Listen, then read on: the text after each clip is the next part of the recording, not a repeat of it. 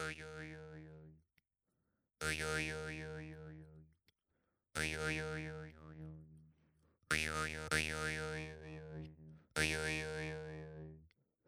Oi, oi.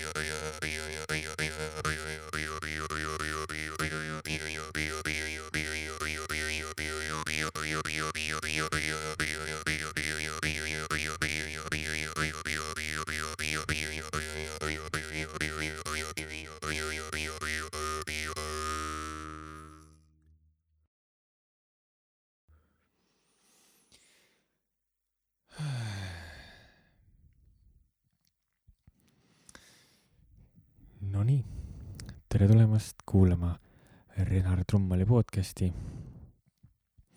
kohe siia alguseks äh,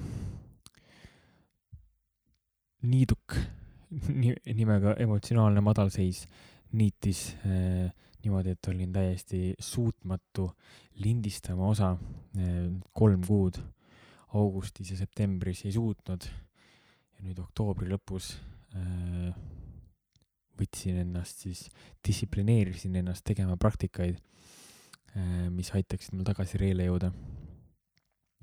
ja see pill, mida te just kuulsite, see on äh, kingitus äh, retriidilt, Porangi retriidilt, kus ma siis käisin, millest oli ka eelmises osas juttu, kus me Jaanaga rääkisime et ta toob ühe vägeva muusiku ja tervendaja nimega Burangi Eestisse ja, ja tol hetkel ma olin, äh, soovisin väga sinna minna ja nüüd see sai ka teoks.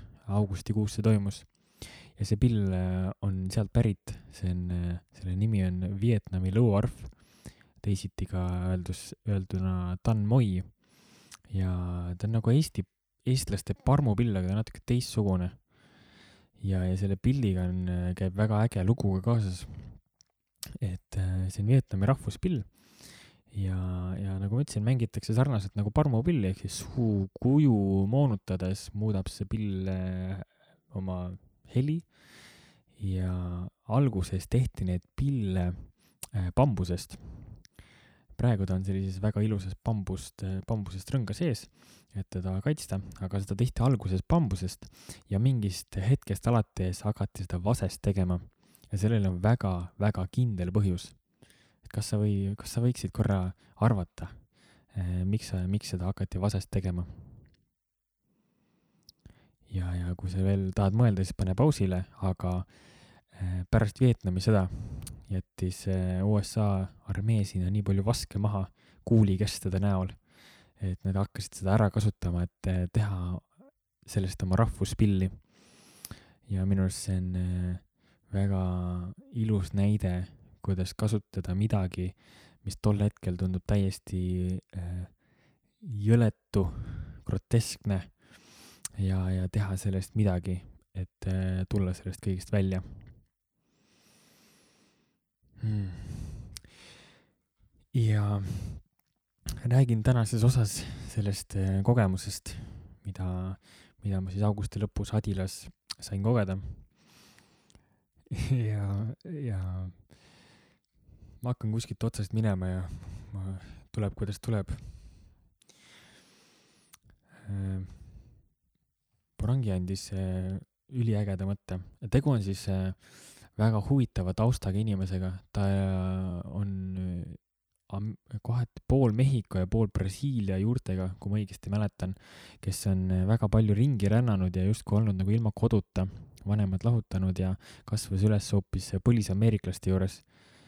ja, ja tema taust muusikuna hakkas juba väga noorelt, kui ta umbes seitsme-kaheksa aastasena oli Temascali tseremoonial ehk siis nende higitelgi tseremoonial. Ja kui ta trummi kätte võttis äh, seal, seal ühel tseremoonial ja mängis seda, siis ta järsku nägi äh, valguselemente, ta nägi mingeid valguskehasid koos nendega seal saunas. Ja sel hetkel ta sai aru, et temast peab perkussionist saama. ja tema muusikuteekond on olnud põhimõtteliselt igikestev, ta on äh, tänaseks äh, jõudnud kohta, kus ta kasutab muusikat kui tervendust. et äh, alguses nad oma naisega koos tegid äh, üksikuid töötubasid erinevatel retriitidel, kuniks nad said aru, et neil on tervet eraldi konteinerit vaja, et nad jõuaksid läbi tuua seda tervendust, mida muusika võib siis tuua. kuigi see kogemus alati näitab, et muusika hingamine, ma ei tea, taimemeditsiinid, kõik need on tegelikult tööriistad ja tervenduse toob läbi see inimene. sest äh, ka üks hingamistseremoonia oli sellel retriidil ja millest ma aru sain on see, et äh, kui varasemalt on minu hingamistseremooniad jäänud just üpriski pealispinnaliseks minu jaoks, et mingi hetk ma jõuan kohta, kus ma hingeldan hästi tugevalt, hästi su suure häälega ja siis tuleb alati ruumihoidja, ma olen ühe kindla ruumihoidja juures käinud ja siis pannakse mulle käsi õlale ja öeldakse, et ära, et rahu et ära siit edasi mine. ja tegelikult seda on mitme ruumihoidjaga juhtunud, et öeldakse, et hinga rahulikumalt ja ma olen tundnud, et ma ei ole saanud edasi minna sinna, kuhu ma vajan. Äh, ja minu jaoks on see alati turvaline olnud, et mina ei ole tundnud, et mul on midagi valesti, vaid ruumihoidja on mind maha rahustanud, sest tal on tekkinud mingi hirm sellega seoses, mida mina teen seal. ja, ja Burangi retriidil äh, juhtus seesama, et ma hingan üliintensiivselt, väga häälekalt ja tol hetkel lasti mul seda teha, kuniks äh, tuldi Ashley, Borangi siis kaaslane ja Borangi tulid minu juurde, üks äh, pani mulle käed pea peale ja teine võttis mul jalgadest kinni ja ma tundsin, et see ruum hoiti ära. et ma tundsin nagu, et emapai oleks äh, läbi selle puudutuse tulnud ja ma tundsin, et, et ma jõudsin koju, ringiga koju läbi selle ebamugavuse ja see andis mulle hästi võimsa kogemuse, et, et ma olin nagu hingamist juba maha kandmas enda jaoks, et see ei toimi minu jaoks. aga sel hetkel ma sain aru, et asi ei ole hingamises, asi on selles, kes ruumi hoiab. ja alati tasub hoolikalt valida või tunnetada seda, kes ruumi hoiab ja siis vaadata, kas see meetod sobib või mitte, et sellise sellise tugeva õppetunni ma sain sealt. ja enne hingamist öeldi nii toredasti, et, et lepime kokku, et kõik pärast hingamist tulevad oma kehadesse tagasi. ja, ja mul oli see, et no mis iganes see küll tähendab, et noh, hingamisega ei saa ju nii kaugel ära käia. ja, ja kui see läbi sai, siis ma sain aru, mis nad mõtlesid sellega, et kehas oli lihtsalt nii hea olla nagu oleks, ma ei tea, MDMA tripis lihtsalt nii hea olla ja nad hakkasid tagasi kutsuma ja oli küll korraks see tunne, et ma ei tea, nagu tahaks veel chill ida siin nii hea on mm.. ja, mis seal siis äh, retriidil tehti? nagu äh, retriidi pealkiri ütleb Music is medicine äh,. muusika on tervendaja muusika on midagi, millega sa lood suhet, muusika ei ole midagi, mida sa teed. ja nii muusika kui ka tantsu puhul on see imekaunis faktor mängus, et äh, seda ei saa kunagi teha täie südamega, kui sa teed seda sellepärast, et jõuda lõppu. ja see on äh, üliilus paralleel äh, eluga, et see on igikestev teekond ja seda lõppu ei paista kunagi. et kui isegi kui paistab, siis seal on alati uus algus ja, ja kogu selle muusikalise nagu, jah, see muusika on nagu jõgi, millesse saab alati kaasa voolata ja, ja seda teenida, et Borangil oli ka alati küsimus, et does it serve the music? kas see teenib muusikat, oli tema põhiküsimus, kui tema tuli ja hakkas muusikat looma. ja olen kuulnud ka ütlust, et osad inimesed kasutavad muusikat, et tõsta ennast, aga teised inimesed, kuidas see oota, ma ajasin selle ütluse sassi nüüd. et osad inimesed kasutavad oma keha, et tuua muusikat läbi ja teised inimesed kasutavad muusikat, et tõsta ennast esile. ja seal on hästi suur vahe, et see on tuntav vahe, selline alandlik koht, kuidas läheneda muusikale ja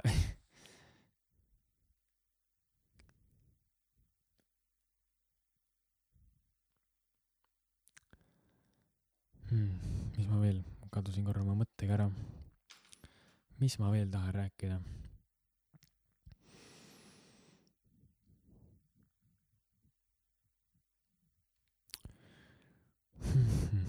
mis olulist juhtus seal?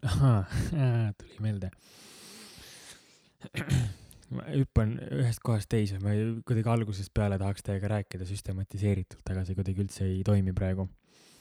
Eh, mingi hetk istusime maha, võtsime baaridesse, vaatasime üksteisele sügavalt silma ja küsisime, mis on oluline, mis on oluline. ja teine inimene sai vastata. kui ta vastas ära, küsisin uuesti, mis on oluline nii kaua, kuni mingi viis või kuus minutit oli möödas ja sul järsku oli terve list, siis sa kirjutasid üles need asjad ja siis sul oli terve list asju, mis on tegelikult sinu jaoks olulised. Ja pärast seda tekkis moment, et võtsime ringi, me kasutasime ühte konkreetselt nagu circle singing ehk siis, kus üks või mitu inimest läks ringi keskele, ülejäänud moodustasid välisringi ja, ja loodi koos muusikat kuidas keskmised äh, inimesed siis nagu dirigeerisid ja välimine ring toetas seda kõike. ja üks hästi tore tõdemus või nagu meeldetuletus minu jaoks on see, et oma pilli taha saab ennast väga hästi ära peita, aga hääle taha mitte. sellepärast on ka laulmine kõikidest musitseerimise vormidest nii palju erilisem, sest sa kasutad oma keha kui instrumenti, mida siis nagu äh, Barangi meile tugevalt ka õpetas, et andes meile selle pilli, selle Dan, Dan Moi, selle Vietnami lõuarfi, siis ta ütles ka, et see on kõigest kehapikendus. See on sinu kehapikendus, sinu pill on sinu esimene keha, millega ma olen ääretult, ääretult nõus. Ja kui mina alustasin trummiõpingut, siis ka ma proovisin kogu aeg läbi käte mängida, et vaatad nooti ja siis mängid kätega järele siis saad, siis saad nagu sellest gruuvist või beat'ist aru. aga tegelikult see käib vastupidi, et sa kõigepealt pead suutma teha seda beat'i suuga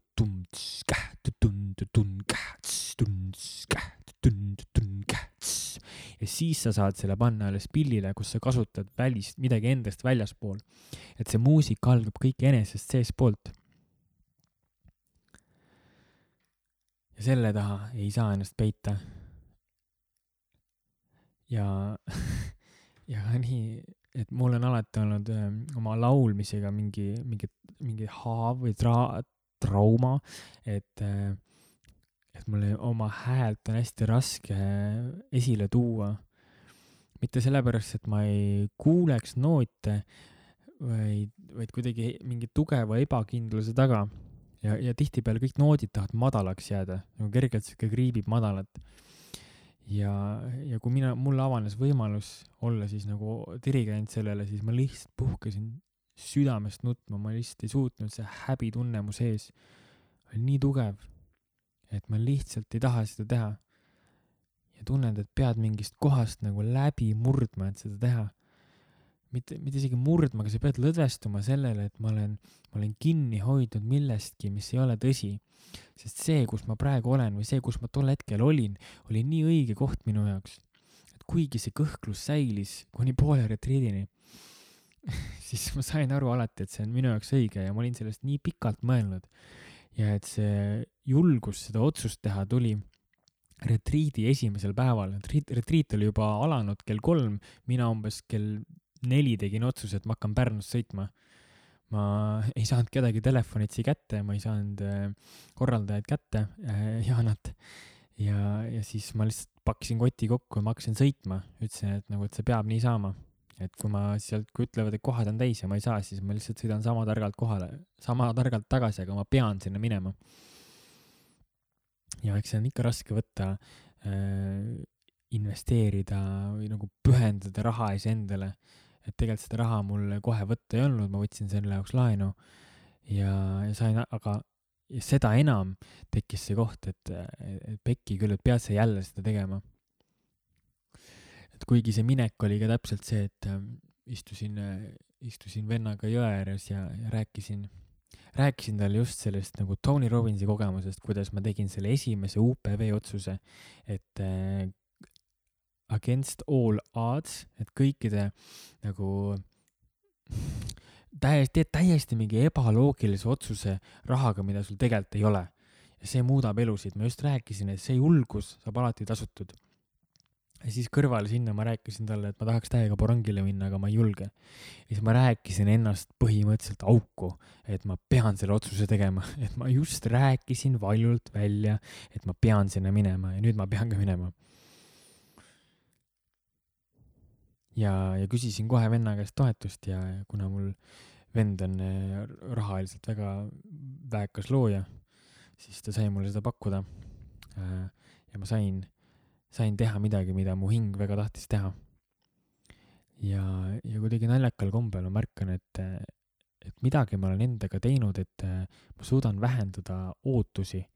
et kõikidesse, et kuigi sa maksad, see retriit oli kaks tuhat kakssada, viis päeva, et kuigi sa maksad suure raha et minna kuskile, siis ma märkasin nende Tony event'ide puhul, mul oli alati nagu ootus, et nüüd peab noh, välku persest lööma, no et nii suur raha on makstud, et peab midagi juhtuma. siis nüüd, kui ma käisin Borangil, siis märkasin, et mul tekkis see rahu, et mul ei olnud suuri ootusi, et ma ei, siin ei pea nüüd midagi suurt juhtuma, vaid ma lihtsalt usaldan, et kõik läheb nii, nagu ma pean, nii nagu peab. ja seda oli tore kogeda ja, ja pärast eh, siis ühte tantsurännakut eh, mul on üks kindel, eh, kindel märguanne elu, eluga juba kokku lepitud. et kui kuskil, ma olen kuskil kohas, kus ma täpselt ei saa aru, mida ma teen või miks ma kõhklen endas, siis tuleb Devi Prayer, see on Spotify's olemas, üks kahekümne minutiline prayer palve, mida ma olen kasutanud mediteerimiseks üsna palju ja kui see kuskil ilmneb, siis ma tean alati, et ma olen õiges kohas et see on nagu, alkeemikus on, oli tal see, selle uurima turrum, kaks kivi oli sellel Santiago'l taskus, peategelasel, mille kuningas äh, talle andis, et kui ta kuskil eksinud on ja vajab küsimusele vastust, siis võtku need kivid ja need annavad alati vastuse. siis mul on see Devi Breyer. ja kui pärast ühte tantsurännakut see Devi Breyer kõlas, siis seal oli lihtsalt mulle väga tugev kinnitus elu poolt, et sa oled õige otsuse teinud et sa tegid äh, õige ja julge otsuse hmm.. kas see teenib muusikat? ja üks teine hästi tugev mõte, mida ma juba olen äh, ise osaliselt rakendanud, on, on see, et, et ta viimane album, Borangi viimane album äh, Beauty's Way, millega ta oli siis ka tuuril muideks tema tuur nägi välja väga teistsugune, eh, nagu muidu tuurid näevad. et tal lihtsalt, kui muidu on tuur, sul on album ja sa esitad albumi materjali, siis Borangil oli kaasas lihtsalt kõik oma mingi nelikümmend, viiskümmend instrumenti, mis tal on väga, väga mahuka, mahuka, mahukate kohvritega ta ringi sõitis. ja ta tuli sinna kohale ja, ja Fotografiskas siis paar päeva enne toimus tal ka kontsert ja ta ütles, et eh, et ma ei tea, mida ma täna tegema hakkan. et äh, ma loen ruumi energiat ja ma mängin täpselt seda, mida see ruum vajab. ehk siis tema nii-öelda lugusid tegelikult ei kõlanudki sellel, sellel kontserdil. aga seda ei olnud ka vaja. Selle Fotografiska kogemusest nii palju, et see oli, äh, kujuta ette, et sa lähed nagu ekstaatilisele tantsule, aga sul DJ asemel on üks mees, kes kasutab äh, oma äh, üles sätitud space station'it nii võimsalt, et ta loob sealt nagu justkui nii spontaanselt muusikat läbi luupide, läbi efektide. ja, ja mulle tundub, et see nagu, see meisterlikkus, mida see mees endaga kannab, see on imetlusväärne, et sa suudad midagi sellist teha, et sa suudad ruumi luua ja kanda, sa oled nagu DJ, aga sa oled laivis ehk siis sa suudad seda kõike nii palju ehedamalt läbi kanda. et see kõik sünnib hetkes ja jääb ka sinna ruumi. ja, ja ma olen äh, Jim Carrey hästi suur fänn, juba lapsest saati on tema filmid on mind hästi kõnetanud ja, ja mind väga palju naerutanud ja, ja kui ma täna seda meest jälgin, siis ma vaatan, et kui vaadata kedagi kaugelt, kes on arenenud ja julgeb seda näidata ja julgeb sellega kaasa minna, siis see on just tema. et täna ta on väga teine inimene, kes ta oli siis, kui mina lapsena teda jälgisin. ja, ja ühes, tal on Youtube'is üks kõne, kus ta ühel ülikooli lõpuaktusel räägib oma mõtteid, mis tol hetkel on talle relevantsed. ja ta räägib sellest, kuidas tema isa oli tema jaoks kõige naljakam inimene, kelle, kelle sära ja kelle huumor alati tõid kergendust ruumi. ja tema isa, isast ei saanud koomikut, sest ta valis turvalise tee, läks raamatupidajaks ja, ja lõpuks, lõpuks ta ka vallandati ja ta lahkus vist varakult, kuna ta ei tulnud oma eluga väga hästi toime aga kui väike Jim vaatas oma isa ja nägi seda efekti, mida see huumor eh, toob inimestesse, et see leevendab nende muresid, siis eh, Jim vaatas seda ja ütles, et that's, et see on minu aega väärt. et see on milles, see on midagi, millesse ma tahan pühenduda. ja, ja ma olen nii kadestanud seda kohta, et ma tahaks ka midagi leida, mis oleks minu aega väärt ja kui ma sellel retriidil nüüd olin, siis ma mäletan, ma ei mäleta, millal see juhtus, aga ma mäletan seda selget tunnet, seda selget nagu mõtet minu peas, kes või kes vaatas Borangit ja vaatas, mida ta teeb. ja ma ütlesin needsamad sõnad endale, et see on väärt minu aega. et see, kuidas tema muusikat loob, kuidas ta läbi selle tervendab inimesi enda ümber, et see on väärt minu aega ja nüüd mul tuleb see konkreetne hetk ka nüüd meelde, et see oli üks päev, kus, üks õhtu, kus siis oli nii-öelda džäm, džämmimise õhtu, kõik pillid toodi äh, ühte kohta, tehti lõke äh, kaminasse ja me mängisime ja, ja ükskõik, mis pilli Barangi kätte võttis, siis terve nagu tohaseinad värisevad. et ma olen seda varem kuulnud, et mingid muusikud tulevad, alla tuleb mingi kuskilt Aafrikast tuleb mingi kongamängija ja kui ta selle konga kruuvi tööle paneb, siis lihtsalt nagu terve sein, seinad värisevad lihtsalt, see on nii, nagu inglise keeles on sõna vibrant, see on nii magneetiline. Ja, ja Porangi samamoodi võttis kitarri kätte ja hakkas laulma, siis lihtsalt terve ruum oli nagu väiksed lapsed, kes mingi jaa, palun veel. ja ja ma nii väga tunnen, et mul on nii suur soov, et ma tahaks ka seda teha, ma tahan seda teha. ja, ja ma, tekkis ka võimalus, et mingi laul laulda, siis mul võtsin ka kitarri kätte ja mõtlesin, teen ka ühe laulu. Ja märkasin, kuidas minus tekkis nagu nii suur soov kaasata ka neid inimesi. ja see kukkus nii haledalt läbi, sest see tuli minu egost, ma tahtsin olla suur ja teha seda läbi muusika aga ma ei teeninud muusikat või ma ei lugenud energiat või see oli selline forsseeritud lähenemine sellele. ja, ja see teeb ka äh, see oskus tunnetada ja tajuda ruumi ja luua vastavalt sellele, see on minu arust väga oluline, kui see, kui teha selliseid väelaule ja, ja ringe üldse sest kui sa ei tee seda, vaid paned nagu tuimalt, ma olen, ma olen tundnud seda, kui on tehtud seda laulu niimoodi, et on energiks madal ja siis üritatakse käima tõmmata ja siis ma, ma olen märganud mingi hetk, et ma tõmban kinni, ma ei taha laulda enam. ma tunnen, et see ei tule nagu, et see on liiga kiiresti tulnud.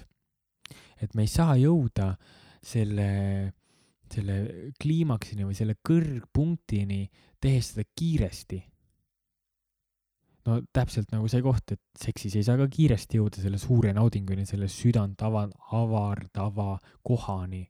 samamoodi ka muusikas, samamoodi kunstis, kus iganes.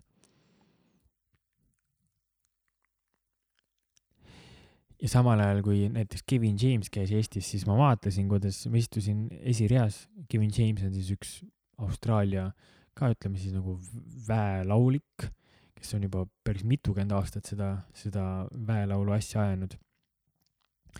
ja, ja mul on alati see kuidagi äh, muusikalisest taustast on alati see, et noh, et kaheksa korda sama asja, pärast seda muutub tüütuks, alati kas vii dünaamikat ülesse või alla või kogu muuda midagi. Äh, ja just nagu muusikaliselt, mitte energeetiliselt, vaid ainult muusikaliselt. ja kui ma vaatasin Kevin Jamesi mängimas, siis ma ei oleks märga-, ma ei märganud, et ta teeb midagi otseselt kogu teistmoodi. aga see oli nagu tuntav, et ta teeb midagi et eh, ta ei surunud seda ruumi liiga kiiresti kuskile kaugele, ta ei proovinud, nagu oli tunda sellist nagu energeetilist tantsu ja kuni mingite lugudeni läkski niimoodi, et noh, alguses tunned, et noh, hüppaks püsti ja hakkaks plaksutama, ei tea, kas üksi siin eesreas hakkad, hakkad tegema. aga lõpp, mingid lood lõppesidki niimoodi, et rahvas oli püsti ja plaksutasid ja laulsid nii südamest kaasa, kuidas oskasid. ja see tekitab nii elusa tunde ja, ja mul tundubki, et äh, just hiljuti kuulsin ühte lauset ka, kes seda ütles.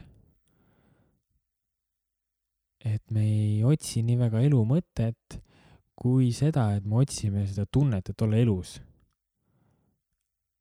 ja ma tunnen, et muusika oma kõige puhtamas olekus, kus on ära kadunud, kui saada ühendus muusikaga, siis ma tunnen ennast elusana ja sellepärast see muusikamaailm tõmbab mind, kuigi see on minu jaoks väga väljakutsuv. et ma just mõtlesin siin üks päev sellele, et ma ei, nüüd suvi on läbi ja ma ei ole siin hooaeg sai läbi ja DJ keikasid pole enam olnud. et minu jaoks need DJ keikad, need, need on ikkagi väga väljakutsuvad, sest ma tunnen, et ma kogu vastutan selle ruumi ma võtan liigselt vastutust ja see on minu jaoks nagu närvisüsteemil ikkagi väga piiri peal, ma ikkagi väsi-, väsin väga ära äh, sellest, sellest stressist ja sellest koormusest, mida ma endaga kannan. ja, ja minu esinemised, äh, kui üle kümmekond aastat tagasi, millal ma trumme hakkasin mängima, siis need esinemised ei olnud ka kunagi kerged, ma olin see, ma olin see full närvipundar ja, ja siiamaani oleneb muidu millega, see noh, see muidugi see ring on väga palju suurenenud, aga siiamaani ma olen pigem see, et kui ma nüüd pikka aega ei ole kuskil esinenud, siis tuleb jälle see tugev närv, millele ruumi hoida.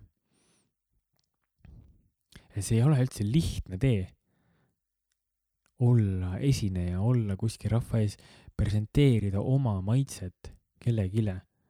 veel enam nagu lugude kirjutamine, et ma olen siiamaani just eile tekkis, hakkasin magama minema ja tekkis nagu vist esimest korda tekkis see koht, et võtsin mingi kitarri harmoonia ja, ja hakkasin, salvestasin harmoonia ära arvutisse ja siis pro-, siis tuli, iseenesest tuli nagu viisijupp ka sinna peale. võtsin uue, lisasin ka teise harmoonia, tuli sinna uus viisijupp peale.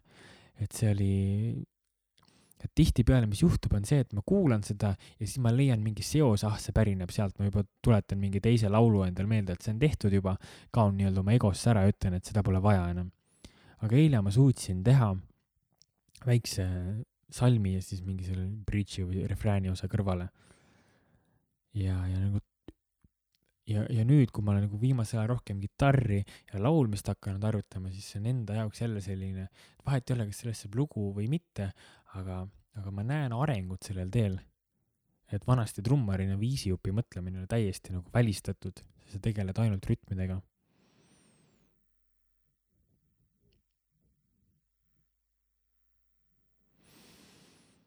Hmm. jah, see elususe tunne ja, ja koos laulmine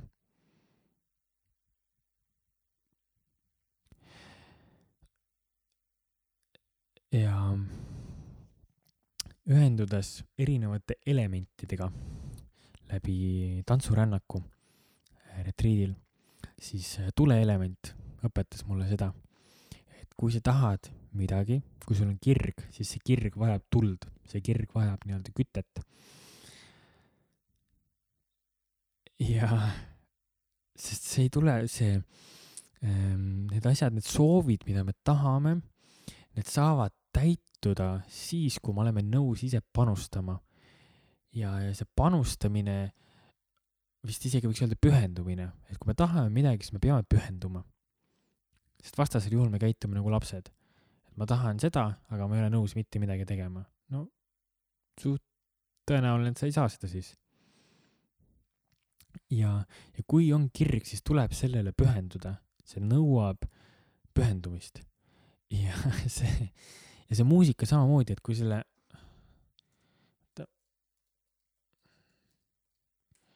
nii äh,, ekraan läks lukku. et kui sa tahad selle muusikaga ühendust, sa tahad kogeda seda, kus muusika võtab üle ja justkui meel jääb kõrvale, siis see jällegi nõuab pühendumist. ja ma sain sellele kohe see üks kolm human design, nagu ma olen, kolm katsetab kõik läbi, siis ma sain äh, sellise lõpp, selle retriidi viimasel päeval ka endale ühe partii, mida laulda. Äh, ma ei tea, kui kaua see mingi viisteist minti järjest, mis oli lihtsalt nagu mingi hästi sihuke hingav partii oli, mis ajas nagu täiega kopsu kokku. Ja märkasin mingi paar tükki, kes meil olid, kes laulsid sedasama partiid, siis ma lihtsalt nägin endas seda nüüd, seda nagu tahtejõudu, seda pühendumist. teised hakkasid ära väsi ja mul on mingi savi, ma panen täie energiaga edasi. sest see ühendus muusikaga tekib sealt, kui sa ise pühendud et äh, aitas meil seda, seda teha, sest ta ise andis nagu noh, meie siis andsime talle raha, energiat ja tema andis meile oma energiat vastu, et sillutada tee minu ja muusika vahel. Aga nüüd, kui see, see nagu energiavahetus on läbi, siis mina saan seda ise edasi kanda ja nüüd pean mina selle energia ise sisse panema või siis kasutama jällegi mingit teist inimest, kes aitaks mul seda silda luua. ja just oma töös õpetajana märkan ka seda, et äh, nende õpilastega, kes, kelle, kellel see nagu soov ja pühendumus on olemas, kes tahavad seda sidet luua, siis nendega läheb need nagu kuidagi ideed voolavad, mul tekivad erinevaid mõtteid, need harjutused voolavad, hakkab nagu midagi looma. aga need õpilased, kes nagu istuvad ja soovivad nagu minult, et ma veaks seda tundi algusest lõpuni, siis nendega mul tekib see tunne, et ma ei taha seda tundi teha. et ma tunnen, et mina panen ja panen ja panen, aga ma ei saa vastu midagi. Noh, eks see on muidugi ka minu viga, et ma olen lasknud sinna sellele jõuda. et anda vastutust rohkem neile tagasi. et ma olen hästi nagu püüdlikult proovinud tunni kvaliteeti hästi kõrgel hoida, aga täna nagu just praegu seda mõtet ka välja öeldes saan aru, et ma pean neile vastutust tagasi andma, et kui nemad on passiivsed, siis mina olen ka passiivsem, et peegeldada neile tagasi, kuidas nemad suhtuvad täna. jah, aitäh sulle, kes sa kuulasid, et ma sain selle mõtte enda jaoks lahti räägitud.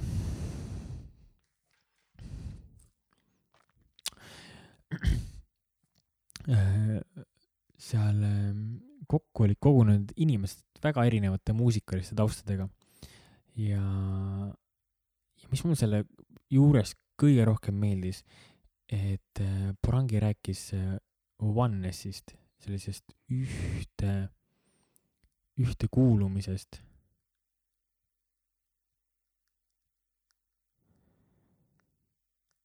oota, ma tšekin korra, et kas ma äh, me tegime retriidil kokkuleppe, et me räägime, see, mis retriidil toimub, jääb siia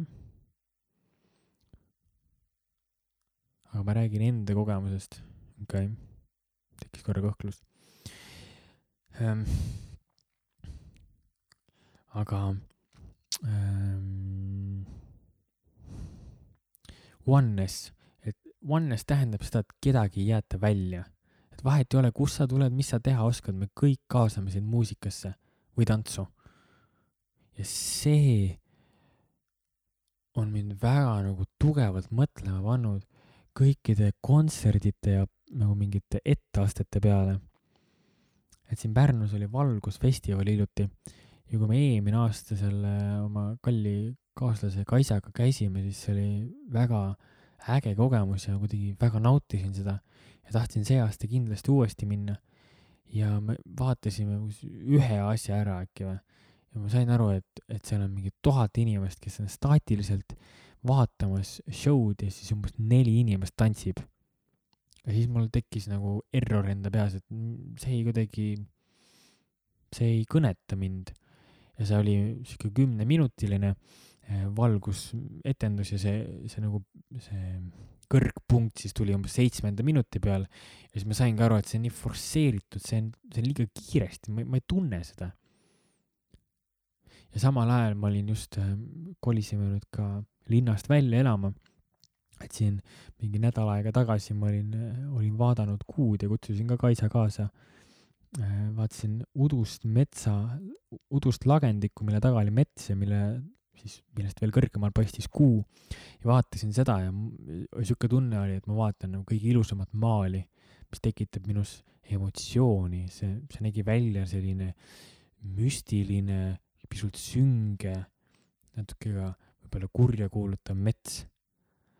ja kui ma võrdlesin neid kahte kogemust, et mul on ma, ma ei kujuta ette, mis selle valgusfestivali eelarve on, aga mingi suure produktsiooniga kunstiteos versus mets, kus paistab kuu ja ma sain aru, et see mets kuhuga tekitas minus kordades suuremat emotsiooni. ja sel hetkel ma sain aru, et okei okay,, et ma tegelikult üritasin siin Valgusfestivalil mingit eelmise aasta emotsiooni taaselustada. ja ta, ja kui sellise tundega juba kuskile sisse minna, siis see, see kogemus ei saa kunagi äh, neid ootusi täita, et see lõpeb alati pettumusega. sest ma lähen midagi vana taaselustama ja nii me tulime sealt suht kiiresti ära. saime aru, et, et see on see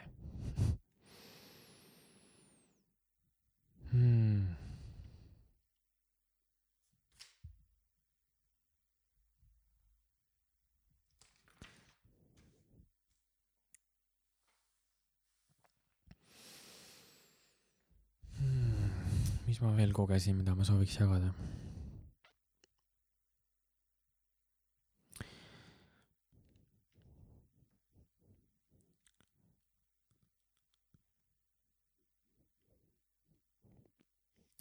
seal äh, tiigi ääres istudes äh, mingi hetk lendas äh, kiil mulle käe peale.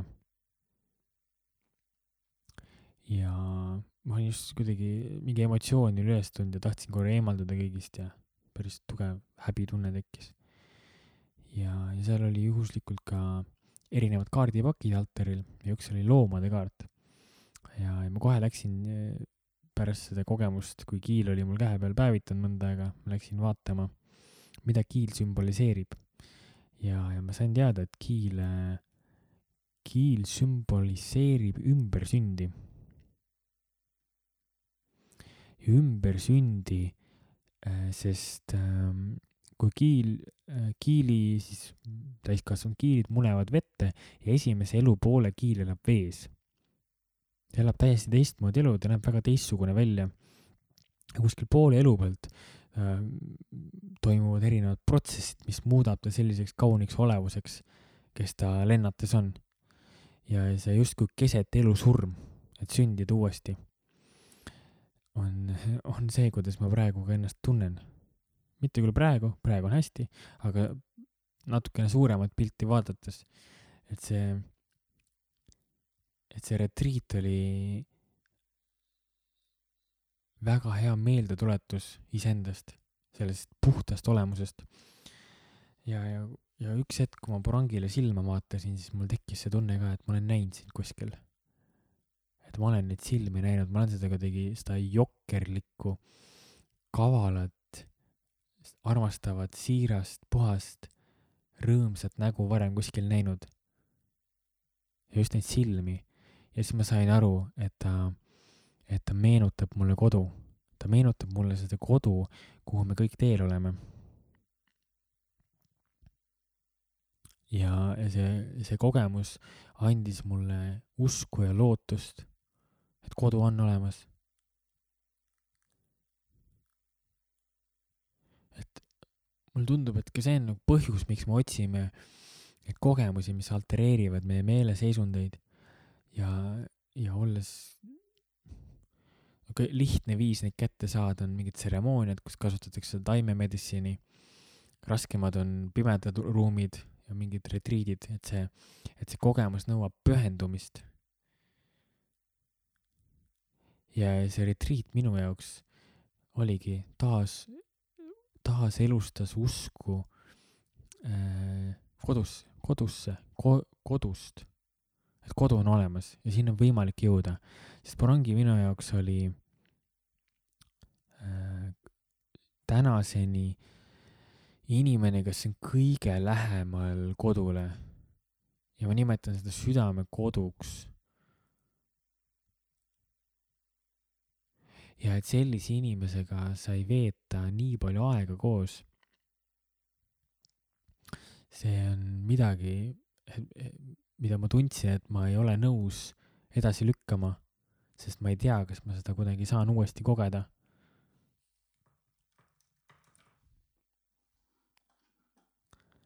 ja see hind, mida ta küsis selle eest, oli täiesti naeruväärselt väike, arvestades sellega, mis pagasiga see mees on tulnud ja see, mida ta läbi teinud on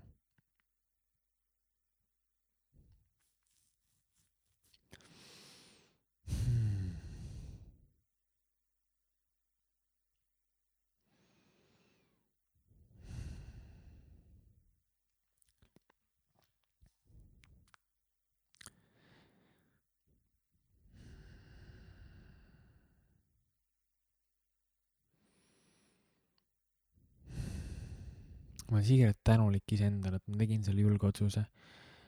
ja, ja ma tean, et julgus saab alati kümnekordselt tasutud. ja iseendale meeldetuletuseks, et, et see kogemus olen mina. et kuigi ma meenutan seda kogemust, siis see kõik elab minus endiselt. ja mul on sellele kõigele ligipääs olemas, kui ma ainult pühendun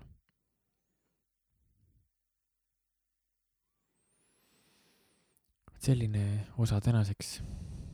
aitäh, et sa kuulasid ja, ja eks ma jagan oma taipamisi, mis ma sellelt, eks kõike ei saanud ju täna ära räägitud, kõik need taipamised, mis ma sealt endaga kaasas kannan, eks ma jagan neid ka siin pikema aja vältel. ja aitäh, et sa kuulasid ja imelist päeva jätku sulle, aitäh!